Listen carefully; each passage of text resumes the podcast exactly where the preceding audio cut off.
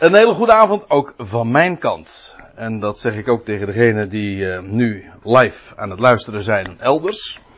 Via de webcam. En.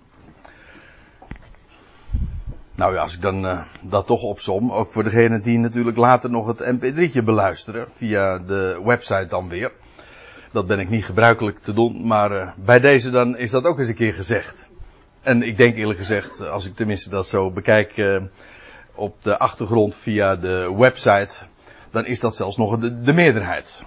De die op die manier uh, kennis neemt van deze Bijbelstudie. Dat is een mooie uitvinding. Er wordt veel geklaagd over internet, maar mij hoor je daar nooit zo over.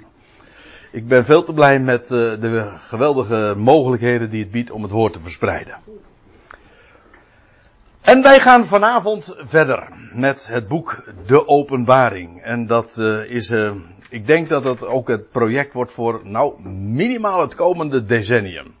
En zo gaan we, als het een beetje mee zit allemaal, hè, van uh, een bespreking van de openbaring van Jezus Christus zomaar in, over in de lijfelijke openbaring van Jezus Christus. Dat, de, de spanning, die neemt toe. Nou, maar, en de actualiteit van dat wat we bespreken, dat, uh, dat zal zich steeds meer aan ons uh, gaan opdringen. Dat kan niet missen.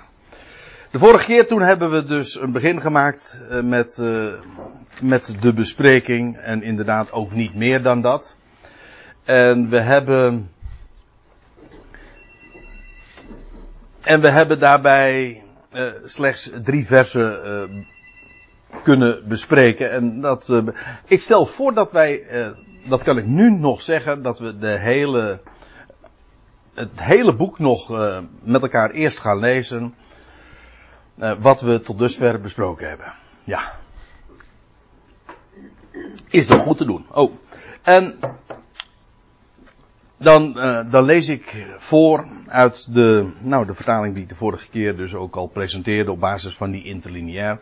Dat begint dan met onthulling van Jezus Christus. Apocalyps. Dat is wat het woord uh, betekent. Het wegnemen van de omhulling en dus een onthulling.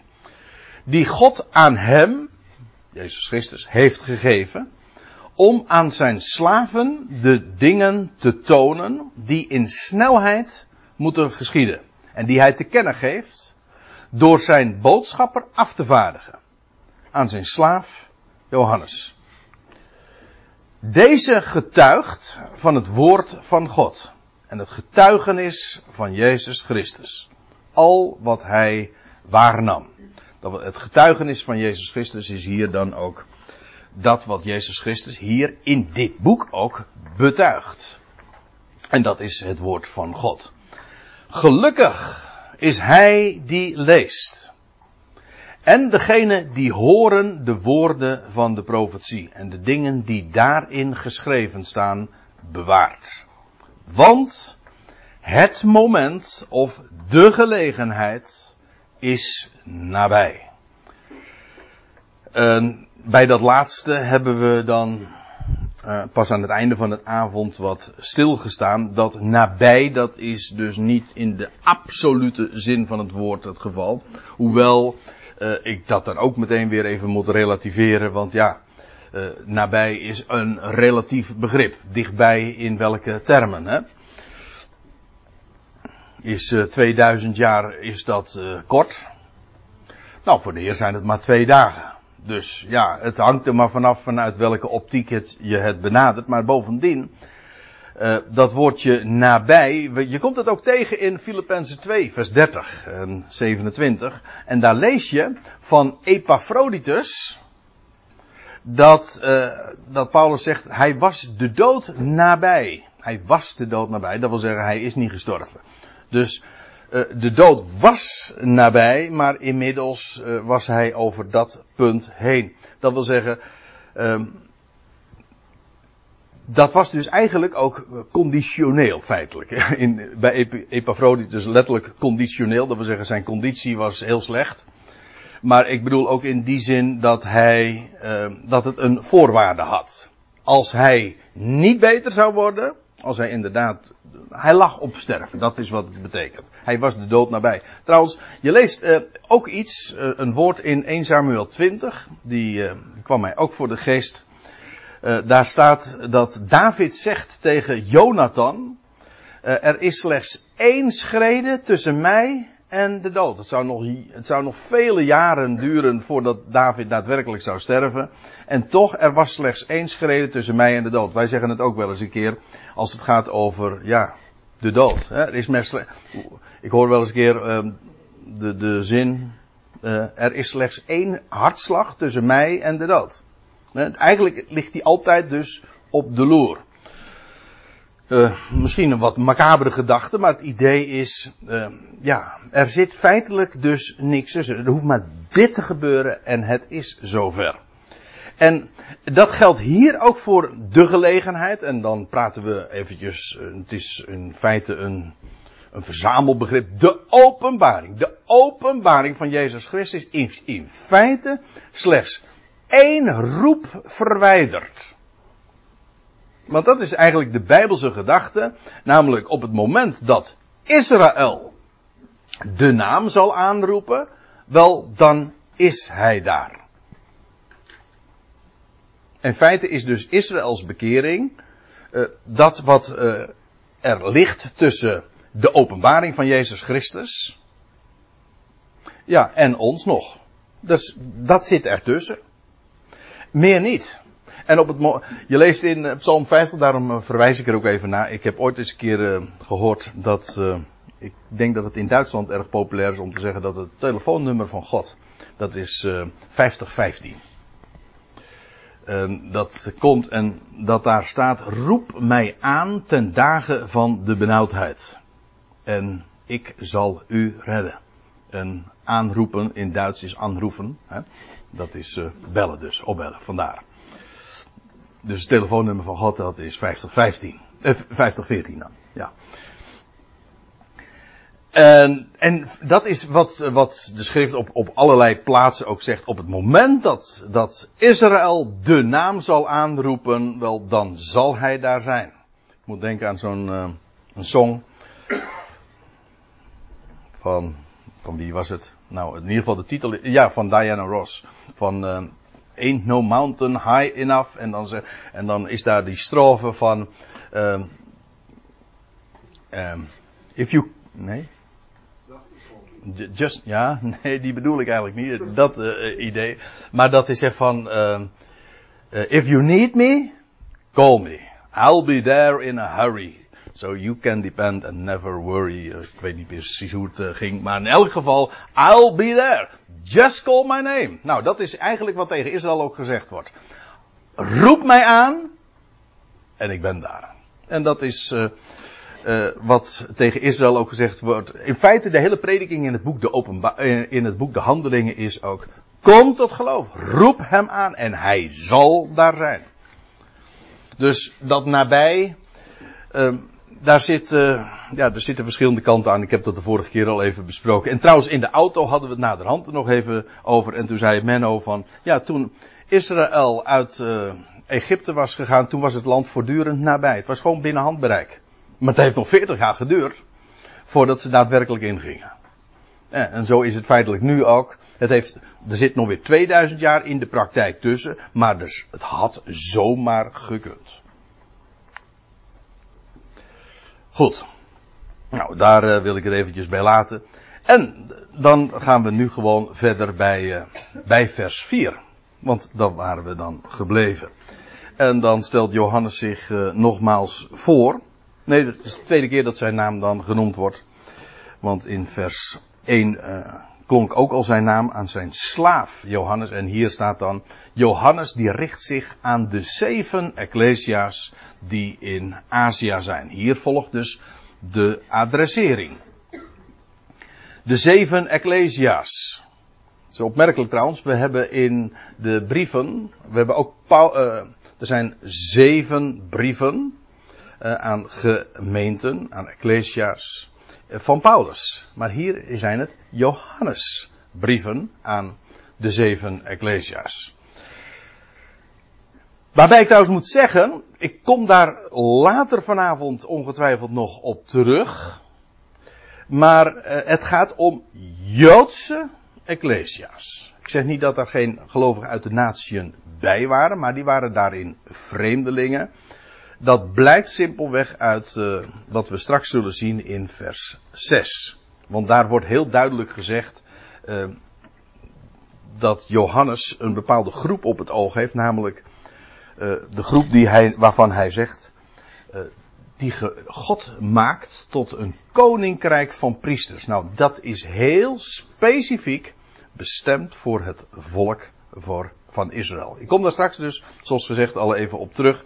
En dan moet ik trouwens nog bij zeggen, en de vorige keer hebben we er al eventjes aan gedacht in een iets ander verband, dat ja, Johannes, net als Jacobus en Petrus, aan hen was het evangelie van de besnijdenis toevertrouwd. Zij richten zich ook op de besnijdenis. En uh, zeker in de handelingentijd hebben zij dat evangelie zo ook gepredikt. Pas aan het einde van het boek gaat inderdaad de deur voor Israël dicht. Maar tot die tijd heeft dat evangelie van de besnijdenis uit hun mond geklonken. Logisch ook, want het was aan hen ook zo toevertrouwd.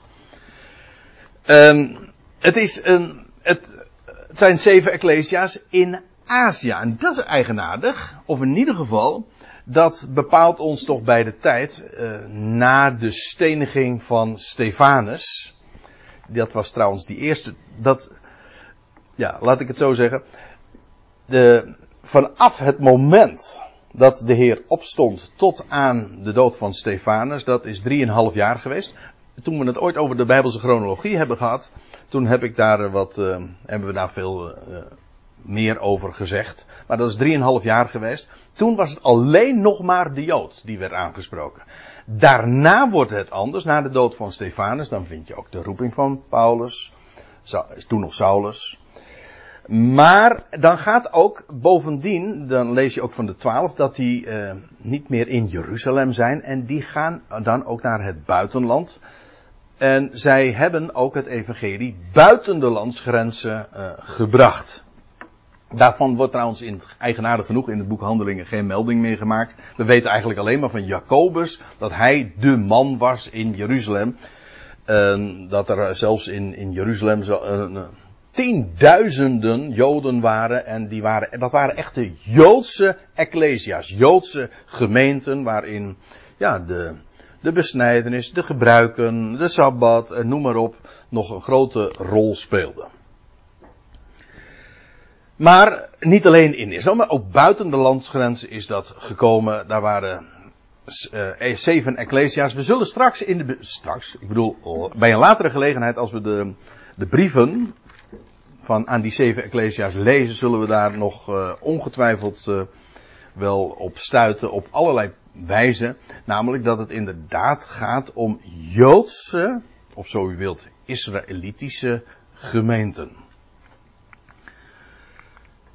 Um, maar dat is ook, ook opmerkelijk, want je, er, er, er, er vindt namelijk een, een, een parallel fenomeen plaats dat uh, straks in de toekomst ten opzichte van wat je ziet in het boek De Handelingen. In, de eerste, in het boek Handelingen lees je dus in de eerste instantie dat het getuigenis van het evangelie van het koninkrijk uitsluitend nog naar de Jood ging. En ook uitsluitend in het land gehoord werd. Met name dat.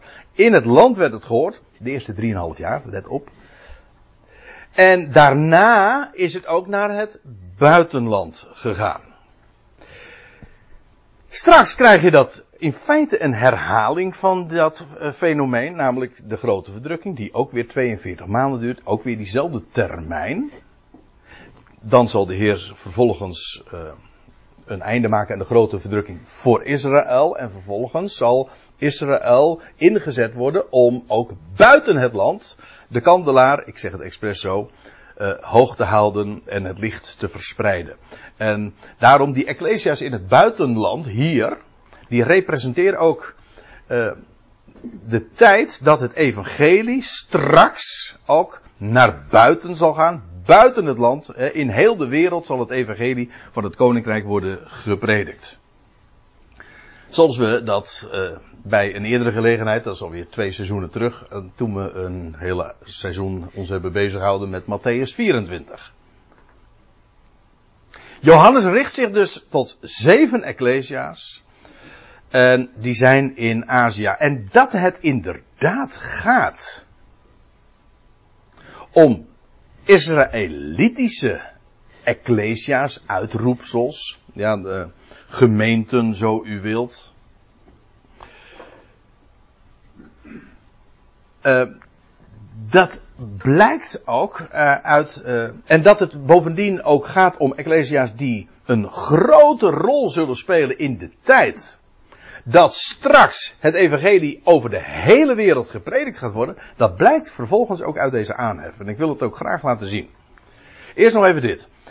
Uh, dan begint het eigenlijk, dat is vrij gebruikelijk om niet te zeggen dat het eigenlijk altijd zo uh, de brieven aanvangen. Hoewel het in elke context weer een eigen kleur, klankkleur zeg maar, krijgt. Want als Johannes dan zegt, hij richt zich tot de zeven ecclesia's die in Azië zijn. En dan zegt hij, genade zij jullie. In feite klinkt daar ook nog weer de naam van Johannes zelf in door. Want jo Johanan betekent, Yahweh is genadig. Dus Johannes zegt, genade zij jullie. Ja, dat is precies ook wat zijn naam uh, aangeeft. En, en vrede van hem. Daar, daar zit ook nog de gedachte in van als hij straks zal komen, maar dat is de volgende regel, dan zal uh, het koninkrijk gevestigd worden hier op aarde. En dan lezen we, en ik, nou, ik noem maar een woord. Het is nog geen december, maar ik trek me daar niks van aan. Want ik vind dat Jezaja 9 vers 7 altijd geciteerd kan worden dus uh, ook in oktober. Uh, dat daar staat van, ja, een kind is ons geboren. Dus een zoon is ons gegeven. En dan staat er even later in vers 7. Groot zal de heerschappij zijn. En, let op, zonder einde of eindeloos de vrede. En ik denk uh, eindeloos niet alleen maar in de zin van, in de tijdelijke zin van het woord. Of in de nou, tijdelijk in de zin van het tijdsaspect, zonder, het, het is een tijd zonder einde. Maar ik denk ook vooral aan eh, zonder eh, geografische beperking. Zonder, eh, het is niet slechts daar in het land, maar eindeloos, grenzeloos dus eigenlijk. Eindeloos zal de vrede zijn, dat wil zeggen ook dus voor de volkerenwereld. Het zal een, een koninkrijk zijn, groot zal de heerschappij zijn, niet alleen in het land dus, maar daarbuiten. En daar ook, daarom ook eindeloos tevreden op de troon van David. We hebben het over een concrete koninkrijk dus ook. En een, ja, een monarchie of een dynastie. En de enige rechthebber, de zoon van David, zal daar zijn zetel hebben, uiteraard in de stad van de grote koning. En dat is Jeruzalem. En dat zal zij allemaal in zijn koninkrijk dan plaatsvinden. Vrede van hem. Dus als hier gezegd wordt vrede van hem, dan zit daar nog weer, dan heeft dat andere associaties dan wanneer Paulus dit zegt. Ik bedoel, dat, dat is niet tegenstrijdig, maar dat zijn, dat zijn andere, ja, een andere optiek, een andere doelgroep, een andere situatie. Dan, hier gaat het ook over de vrede die hij straks in zijn komst met zich zal meebrengen. En dan, genade zij jullie en vrede van hem die is en die was. Nou, dan moet toch, dan moeten toch belletjes gaan rinkelen. Hè? Want die, die aanduiding, die komen we en in dit boek diverse keren trouwens tegen. Maar bovendien, het verwijst uiteraard, zou ik haar zeggen, naar de naam van God ook. De naam van God, die is ik ben, die ik ben. Of eventueel ik, ik ben die ik zijn zal. Eh, dat soort naam, die, die, die tijden, die spelen in het Hebreeuws eigenlijk geen rol. Maar ik ben er. Ik was er. Ik ben er. En ook ik zal er zijn. Dus uh, de, de, de, hem is hier dus de God, de God zelf. En zijn naam is ik ben die ik ben. Vandaar ook die is. Die, en ook die was. Ik bedoel, van alle dingen, dat is trouwens ook het boek, dat is ook Johannes. maar dan in zijn uh, evangelie. Dat alle dingen zijn door het woord geworden. Een kenmerk van alles wat we zien om ons heen, de hele schepping, is dat het werd. Het was er niet en het is ontstaan. Maar onze God is, die is en die was. Hij werd niet, hij was er. Dat is het grote verschil. Hij is en hij was. En hij komt. Let trouwens op, hier zie je dat in die interlineair, zo'n verticaal streepje, dat uh, geeft aan dat het tegenwoordige tijd is. Dus eigenlijk letterlijk die, zo, zeggen we dat in het Nederlands niet, die komende is. Of die aan het komen is. Ja. Dus de, hij is aan het komen. Dat is uh, niet hij zal komen. Dat is toekomende tijd. Nee, hij komt. Hij is bezig te komen. Bepaalt ons trouwens ook weer bij de, de, situatie in het boek Openbaring, namelijk het beschrijft uh, de dag dat hij komt, dat hij openbaar wordt. Of, laat ik het anders zeggen, maar nou, daar komen we vanavond zeker nog niet op. Maar het beschrijft de dag des Heren. De dag van de Heer. Johannes, die wordt eigenlijk in de geest vervoerd. Een tijdreis maakt hij mee. Hij gaat, wordt zo in de dag van de Heer geplaatst. En dan kan hij zeggen van ja, de Heer komt eraan. Hij is bezig te komen. Want in feite is het zo dat die komst ook gefaseerd plaatsvindt. Hij komt voor, hij komt voor ons. Dat is trouwens niet het onderwerp zozeer van het boek De Openbaring. Ik bedoel voor ons, de Ecclesia, het lichaam. Uh, maar, wat dacht u? Hij komt voor Israël. Hij zal, uh, bij een latere gelegenheid zal hij ook daadwerkelijk komen voor de volkeren. Maar dat heet allemaal zijn komst. Dus het is in feite niet zozeer een moment, het is een hele fase of een, ja, een, een periode. En de zeven ecclesia's die representeren die tijd. Namelijk, hè, er wordt, de zeven ecclesia's worden aangesproken. En, en dan wordt er gezegd, genade en vrede, ja, van hem die is en die was, en die aan het komen is. Dit plaatst ons dus met recht ook weer in die dag van de Heer, dat de Heer dus niet meer komen zal, maar aan het komen is. Zie je?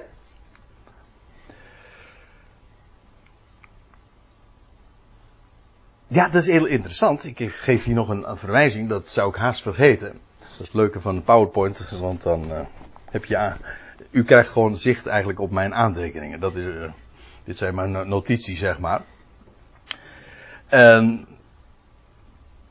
in hoofdstuk 11, vers 15, daar lees je dit. Dat moet ik even trouwens toelichten. Want in openbaring 11, vers 17, daar aan het slot van dat hoofdstuk, zijn we inmiddels gekomen aan het einde van de, uh, ja, van de zeven bazuinen. Dat wil zeggen, de zevende engel heeft dan inmiddels ook op de zevende bazuin geblazen. En inmiddels is dan het koninkrijk gekomen. Je hebt dus, ik zal, ik zal dat straks trouwens, uh, dat is nog, we zijn daar nog maar een paar diaatjes van verwijderd, dus het is nabij. Maar, uh, uh, we, ik zal straks ook dat wat, wat schematischer voorstellen over die, wat je thuis krijgt. Je krijgt die zegels, dat de Heer zich zal openbaren aan Israël. Dan krijg je vervolgens al dat hij zich zal openbaren aan de volkeren. Nou, dat is die tijd van de bazuinen. Dat de gerichten over de natieën, over de hele wereld zullen gaan. En aan het einde van die zeven bazuinen. Ja, dan, is het, dan zijn de koninkrijken van deze wereld gewoon ten einde. Ik moet eigenlijk denken aan Jericho. Dat was ook een bij na zeven dagen, weet je wel. En op die zeven dagen gingen ze zeven keer. En toen gingen ook de bezuinen. En toen was de stad ja, dat is wat er gaat gebeuren met deze wereld. Dat stort in. Om plaats te maken voor iets heel nieuws. Maar let op wat er dan staat in openbaring 11 vers 17. En dan zeggen zij, wij, wij danken u, Heer God, Almachtige, die is en die was, dat u uw grote macht hebt genomen. Ik had er eigenlijk even nog een interlineair bij moeten doen. Want dan had, u, had ik kunnen laten zien dat hier uh, een, eh, dan staat er zo in de interlineair zo'n rondje voor. En dat wil zeggen dat het een perfectum is, oftewel een voltooid tegenwoordige tijd. Dat was het, nou ja, precies zoals het in het Nederlands dan weergegeven wordt. Gij, u hebt uw grote macht genomen. Niet meer u bent bezig. Nee, dan heeft, is dat de, de macht en de heerschappij inmiddels gevest, gevestigd. Dus dan is de komst niet meer iets wat gaande is. Nee, dan ligt het inmiddels achter. Uh, achter Johannes, zeg maar. Dan, dan is het inderdaad uh, inmiddels uh, voltooid. Met recht. En dat u uw grote macht hebt genomen en u heerst. Gewoon, hij heeft dan de heerschappij. Niet alleen maar oh, binnen de landsgrenzen, maar ook daarbuiten. Dat wil zeggen, wereldwijd, eindeloos. Die is en die was, en hier is het dan ook, en dat u uw grote macht hebt genomen. Interessant hè? Uh, dit soort tijdsaanduidingen, dat aan de ene kant in openbaring 1 dan staat van die is en die was, en die komende is. En dan als je dan aan het einde van die zeven bezuinen staat, die is en die was, dat u uw grote macht hebt genomen. En ik zou me niet verbazen dat er sommige mensen zijn. André, je gaat nou net even te diep, want ik ben niet zo. Ik had op taal, op school had ik ooit eh, een vijf voor mijn Nederlands, dus ik volg dit allemaal niet. Oké, nou dan moet u nog maar een keer beluisteren of. Uh, maar ik wil toch er graag op wijzen dat dit soort details niet zonder betekenis zijn. Integendeel, ze zijn heel veelzeggend. Maar dat niet, uh, Menno. ja, ik vraag het aan Menno, want ik weet zeker dat Menno hier van harte amen op zegt. Amen. Nou moet je wel, hè. ja. Leer mij Menno kennen. Oké. Okay. Nou ja, ik zei al, we, uh, we hebben geen haast. Johannes aan de zee lezen, die in Azië zijn. Genade zij jullie en vrede van hem die is, die was en die komende is. En van de zeven geesten in het zicht van zijn troon. Ik, ik herinner me dit uh, nog heel erg goed van destijds in de, in de kerkdiensten. Van, van, van jongs af aan. Dat dit altijd de aanhef was. Ik meen volgens mij vooral in de, de middagdienst. Zo was het tenminste bij ons dat dan de, de dominee deze woorden uit openbaring 1 voorlas. En later heb ik begrepen dat uh, die zeven geesten, ja, dat is, uh, dat is gewoon de Heilige Geest. Wat ik altijd erg vreemd vond. Maar goed, ja, als de dominee het zegt, hè. Nou ja, toen dacht ik al van, ja, dat zegt de dominee wel, maar waar staat dat dan? Hè? En dat heb ik nog steeds. Ik, ik denk, ja, een bepaalde goede gewoonte moet je erin houden, toch? Uh, de zeven de standaard uitleg. Ik daag u uit, kijk het maar eens na. In, uh, of je nou de, ik heb het vanmiddag nog even nagelezen bij, uh, nou ja, ik kan alleen namen noemen. Maar gewoon de standaard uitleggingen, de, de, commentaren op het boek De Openbaring, die zeggen allemaal de zeven geesten, dat is gewoon de Heilige Geest, de ene geest. Wat dan en dan zeggen ze ja, maar dat is een zevenvoudige geest. Um, ja. Ja, dat baseert men dan weer op, uh, nou ja, laten we het, als we het dan toch over hebben. Ik heb er eventjes niet bij staan, maar er staat in Jezaja 11. Uh,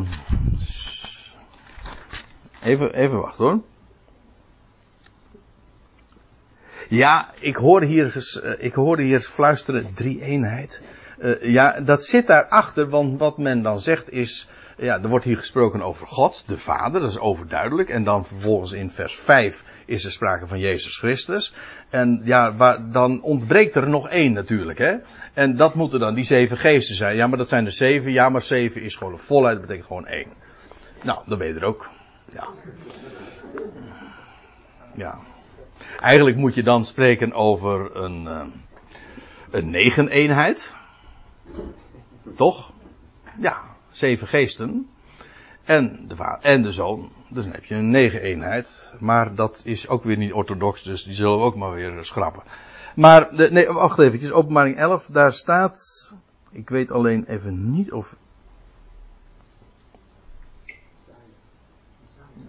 Ja, ik zei toch ja, ja? Oh, nee, nee, nee, niet openbaring 11. Ja, um, ehm, daar staat in openbaring, in Jezaja 11, sorry. Uh, er zal een reisje voortkomen uit de tronk van Isi. Nou, dat gaat over de zoon van David. En een scheut uit zijn wortelen zal vrucht dragen. Ik lees nu even voor de MBG-vertaling.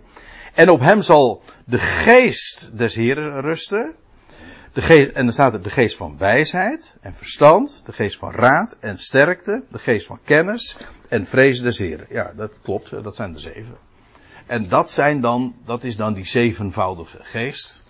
Maar er, uh, dat is heel uh, gekunsteld om dat er zo bij te halen. Want A, er is hier helemaal geen sprake van zeven geesten. Maar een geest die zich op zeven wijzen uh, openbaart. Maar dat is iets heel anders. Goed.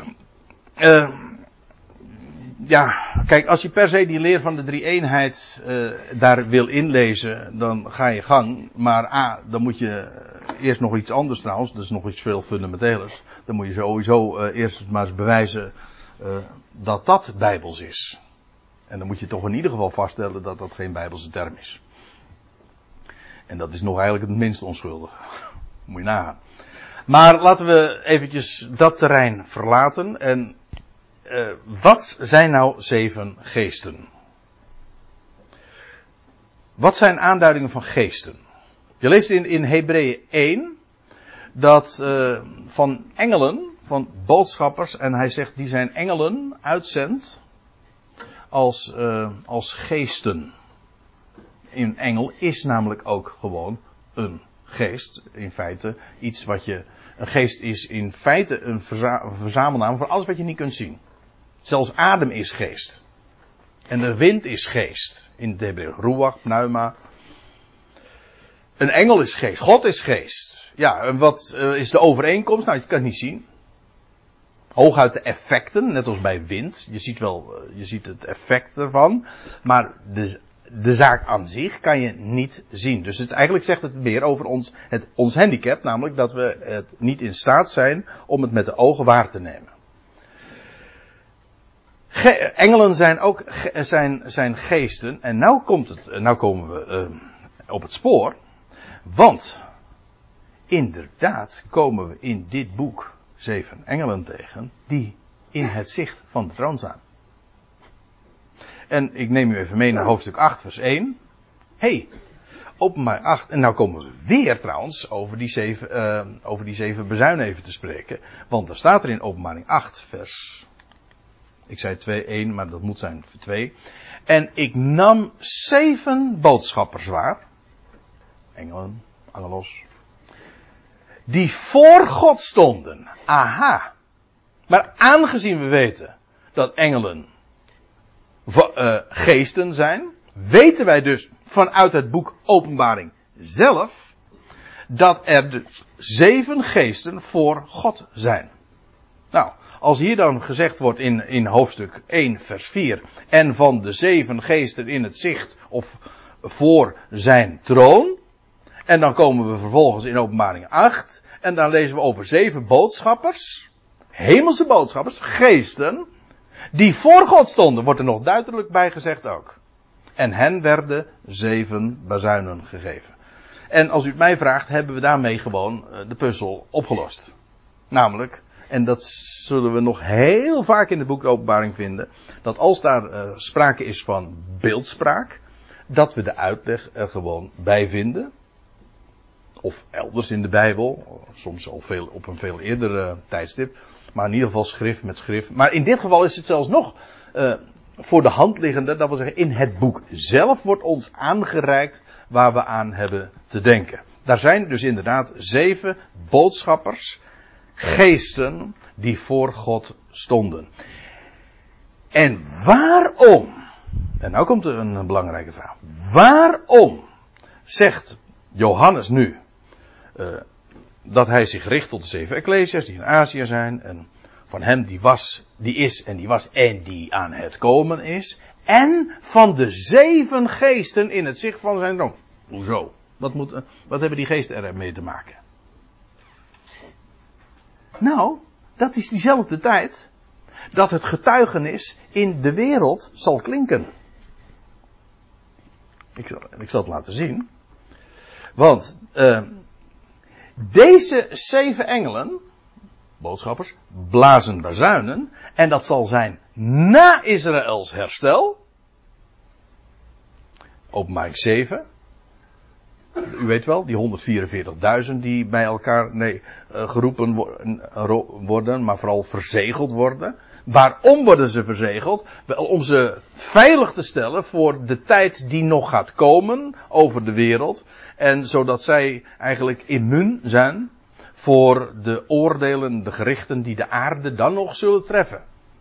En je leest dan ook trouwens over een grote schare uit alle volkeren, talen, natieën. Dat wil zeggen, Israël zal verzameld worden. En uit, die, uit dat hele Israël zal een, een selectie van 144.000 mensen verzameld worden. En die worden beveiligd voor de gerichten. We hebben het hier vorig jaar eigenlijk vrij uitgebreid over gehad. Daarom, uh, ik voel me nu niet echt heel erg verplicht om dit nog heel uitgebreid uh, uit de doeken te doen.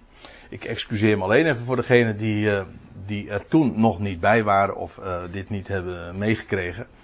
Nou, dan zou u dat eigenlijk nog eens eventjes na moeten beluisteren. Maar in ieder geval, uh, die, die bazuinen, ik zal straks ook trouwens wat schematischer laten zien. Die zeven engelen, die blazen bazuinen na Israëls herstel. Maar het zal voor de vestiging van het koninkrijk zijn, wereldwijd. Dat wil zeggen, bij de zevende bazuin, dan zal het, uh, het koninkrijk wereldwijd gevestigd zijn. Nou, nou kom ik toch bij mijn schemaatje, om het even te laten zien je in openbaring 6 worden zeven, nou 6 en 7 worden zeven zegels beschreven. En dat is, dat wil zeggen, zeven zegels worden geopend van de boekrol. En dat boekrol, die boekrol, dat is eigenlijk de eigendomsakte van het land.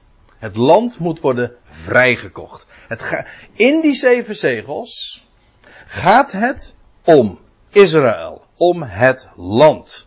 Dat wordt vrijgekocht. Het gaat ook over de tijd van die grote verdrukking, over die 42 maanden. En ik zal het nog sterker vertellen, bij het zesde zegel, dat is het moment dat de zon, maan en, uh, zon en maan verduisterd worden en de sterren van de hemel zullen vallen. En dat is het moment dat de zoon des mensen zal verschijnen op de olijfberg. We hebben ook dat, we hebben dat bij allerlei gelegenheden inmiddels al diverse keren gezien. En dan, uh, dat is het zesde zegel, de zoon des mensen zal verschijnen. En dan bij het zevende zegel, dus eigenlijk de culminatie, de, het hoogtepunt, ook feitelijk het eindpunt van de zegels, van de opening van die zegels, dat is Israëls herstel. Dat is hoofd, dat is, uh, dat komt wel aardig uit in dit geval, dat is openbaring 7 ook. Ik zou aanzeggen dat die hoofdstukindeling geïnspireerd is. Maar ik slik de woorden meteen weer in, want dat is natuurlijk niet waar, maar het komt wel mooi uit. Openbaring 7, dat is dus die, dat, zijn, dat is de beschrijving van die 144.000 en die grote scharen die niemand tellen kan. Dan gaat het over het herstel van Israël. Zijn we er dan?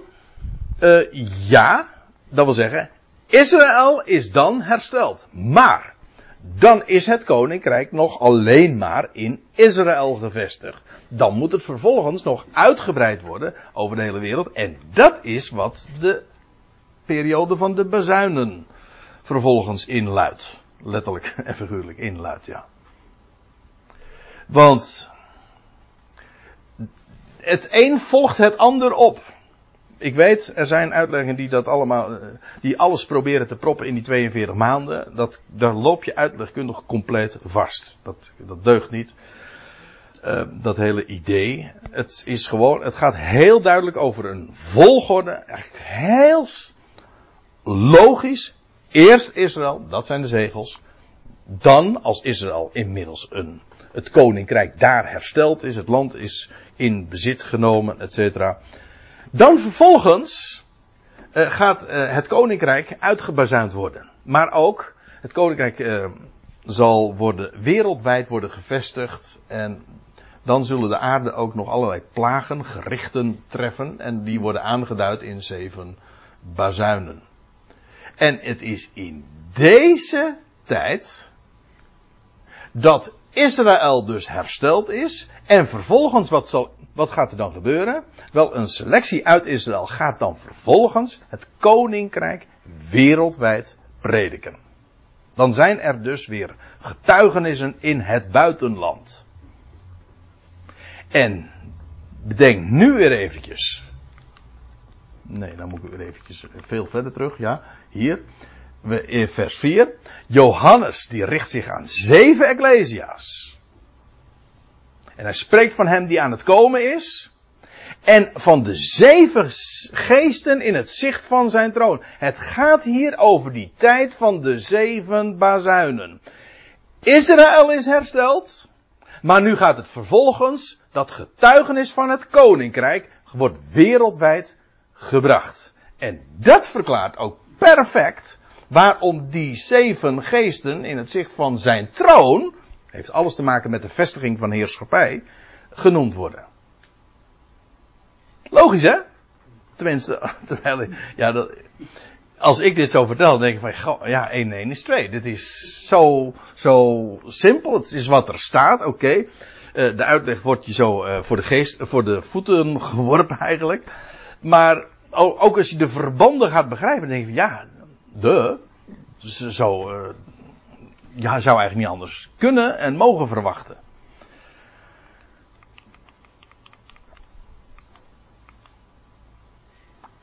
En dan, we gaan verder in vers 5. Ja, uh, genade en vrede van Hem, dat ging over God, de Almachtige, en van Jezus Christus. De getrouwe getuige. En dat gaat hier in het bijzonder over zijn, het getuigenis van Jezus Christus in dit boek. Jezus, in dit boek getuigt Jezus Christus zelf. Hij is aan het woord. Hij en zijn woord, dat wat hij betuigt, is betrouwbaar. En dat is wat het ook betekent. Je natuurlijk, ik, in het verleden dacht ik uh, dat, dat, dat dit zou refereren aan, aan Jezus hier op aarde, het verleden. Natuurlijk, toen heeft hij ook de goede beleidenis afgelegd en het getuigenis. En daar is hij ook om omgekomen. Dat is waar. Ook toen was hij de, de getrouwe getuige. Maar hier is het vooral ook de, degene die het, het getuigenis heeft. als de eerstgeborene van de doden. Kijk, het gaat hier dus niet over hem die hier op aarde was.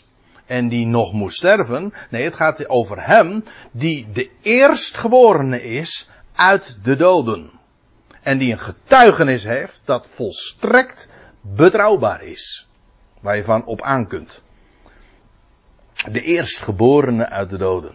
Of nee, uh, van de doden. Hé, hey, we komen hem ook elders anders tegen. Want als je leest in openbaar, eh, pardon, in Colossense 1 vers 18, daar lees je over dat Paulus zegt dat de Heer Jezus Christus de eerstgeborene uit de doden is. Het verschil is uh, dit. Hij is de eerstgeborene. In feite betekent dat uh, in de Bijbelse terminologie. Hij is degene die dus het eerstgeboorterecht heeft. En daarmee dus de belangrijkste erfrechten heeft. Dubbel deel. De eerstgeborene. Je zou het zelfs nog letterlijker kunnen nemen. Hij is de eerstgeboren. Uit de doden namelijk. Hij is de eersteling die onvergankelijk uit de doden voortkwam. Natuurlijk, er waren mensen die eerder al opstonden, maar die zijn allemaal weer dood gegaan. Hij is de eerstgeborene, de voornaamste, de belangrijkste, maar ook de eersteling uit de doden, de eerste vrucht van de oogst uh, van, de, van de doden. En ja, waarom van de doden? Nou, omdat hij uit de dood is. Dus eigenlijk zou je kunnen zeggen, hij is de eerstgeborene van de doden. Van al die doden die daar dus nog in het graf liggen, is hij de eerstgeborene, want hij is er namelijk uit voortgekomen. Daarom is hij de eerstgeborene. Dus die twee liggen eigenlijk ja, in elkaars verlengde of ze lopen parallel. Altijd weer het grote onderwerp. Hè? Jezus Christus, wie is hij? Hij is de opgestane uit de doden. Denk niet bij Jezus Christus per definitie altijd maar aan degene die hier op aarde leefde. Nee, denk eens aan wie hij nu is. Ja, oké, verborgen. Daar gaat het hele boek over. Namelijk hij is nu verborgen, maar hij wordt openbaar. Daar ontleent het hele boek zelfs een, zijn naam aan. De openbaring. Maar hij is de eerstgeborene van de, van de doden en, staat erbij, de overste. En eigenlijk, ja, de overste van de koningen van de aarde. Van het land eventueel, maar het gaat hier over de ko eh, van de koningen. Dus dan praten we niet alleen maar over het land Israël, maar over heel het land. Dat wil zeggen heel de aarde. Heel eh, het aardoppervlak. En hij is daar de overste van. Je leest in, uh, in Psalm 89, uh, dan wordt er gezegd, over de zoon van David trouwens. Ja, ik zal hem tot een eerstgeborene stellen. Tot de hoogste, de belangrijkste, de eerste, first, de vorst, de voorste, overste. Je eigenlijk is allemaal hetzelfde hoor. Of in ieder geval als je een beetje gevoel uh, voor dat soort taallinken hebt, dat soort associaties, dan, dan spring je met het grootste gemak van het een op het ander. Want het is namelijk feitelijk hetzelfde. Hij is de hoogste, de eerste, de belangrijkste en daarmee ook de overste.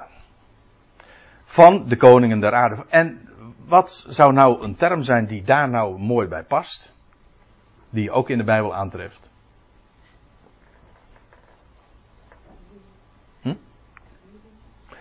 Uh, Curios, nou ik bedoel eigenlijk uh, deze, de koning der koningen dus. Als hij de overste van de koningen der aarde is, hij dus de koning van de koningen. Ja, de belangrijkste koning is dat. Maar het is nog meer. Eigenlijk die koningen hebben zelf ook allemaal een koning.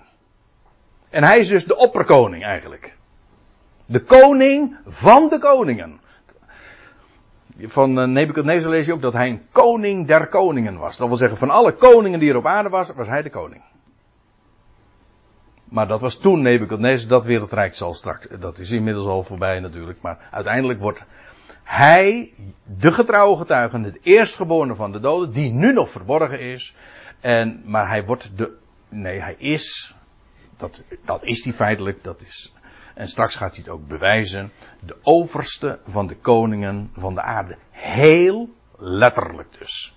Kijk, dat vind ik wel mooi. Dit is maar, dit is maar niet geestelijk. Zo van, uh, dat de Heer Jezus vandaag deze titel zou hebben. Uh, dat de Heer Jezus van, uh, hoeveel liederen gaan daar ook niet over. Opwekkingsliedjes ook heel vaak over koning Jezus heerst. Kijk om je heen. Nou, denk ik, goh, kijk, als ik om me heen kijk, dan zie ik alles. Behalve dat koning Jezus heerst hoor. Ja, sommige mensen zeggen, ja, maar daar moet je niet, dat, dat, daar moet je niet zo op letten, joh. Dat zingt toch zo lekker weg. Het is gewoon een leuk melodietje. Dan denk je, ja, moet ik met leuke melodietjes, moet ik zulke onzin uitkramen? Sorry, het is gewoon onzin. Het is gewoon niet waar. Koning Jezus heerst nu helemaal niet. Hij is officieel tot koning gesteld, hè? maar uh, straks, pas straks, dan staat er in Psalm 2 van, vraag mij, uh, uh, dan, dat hij ook de, de, de aarde zal claimen. Dat doet hij niet, nu. Hij, is nu, hij houdt zich verborgen. En je ziet nog helemaal niks. Het, uh... En straks zal blijken dat er één echte koning is, namelijk de koning van de koningen. En dat is hij. En die gaat straks letterlijk dus een troon vestigen in Jeruzalem. De enige plek waar dit hoort, namelijk, uh, ja, waar hij de hoogste van de koningen zal blijken te zijn. En dan wordt hij ook met recht ook tot een eerstgeborene gesteld. Dat wil zeggen, de belangrijkste erfgenaam. Nou, dan uh, begint er eigenlijk weer een nieuwe zin. Maar ik stel voor dat we, voordat we daarmee verder gaan, eerst even gaan pauzeren.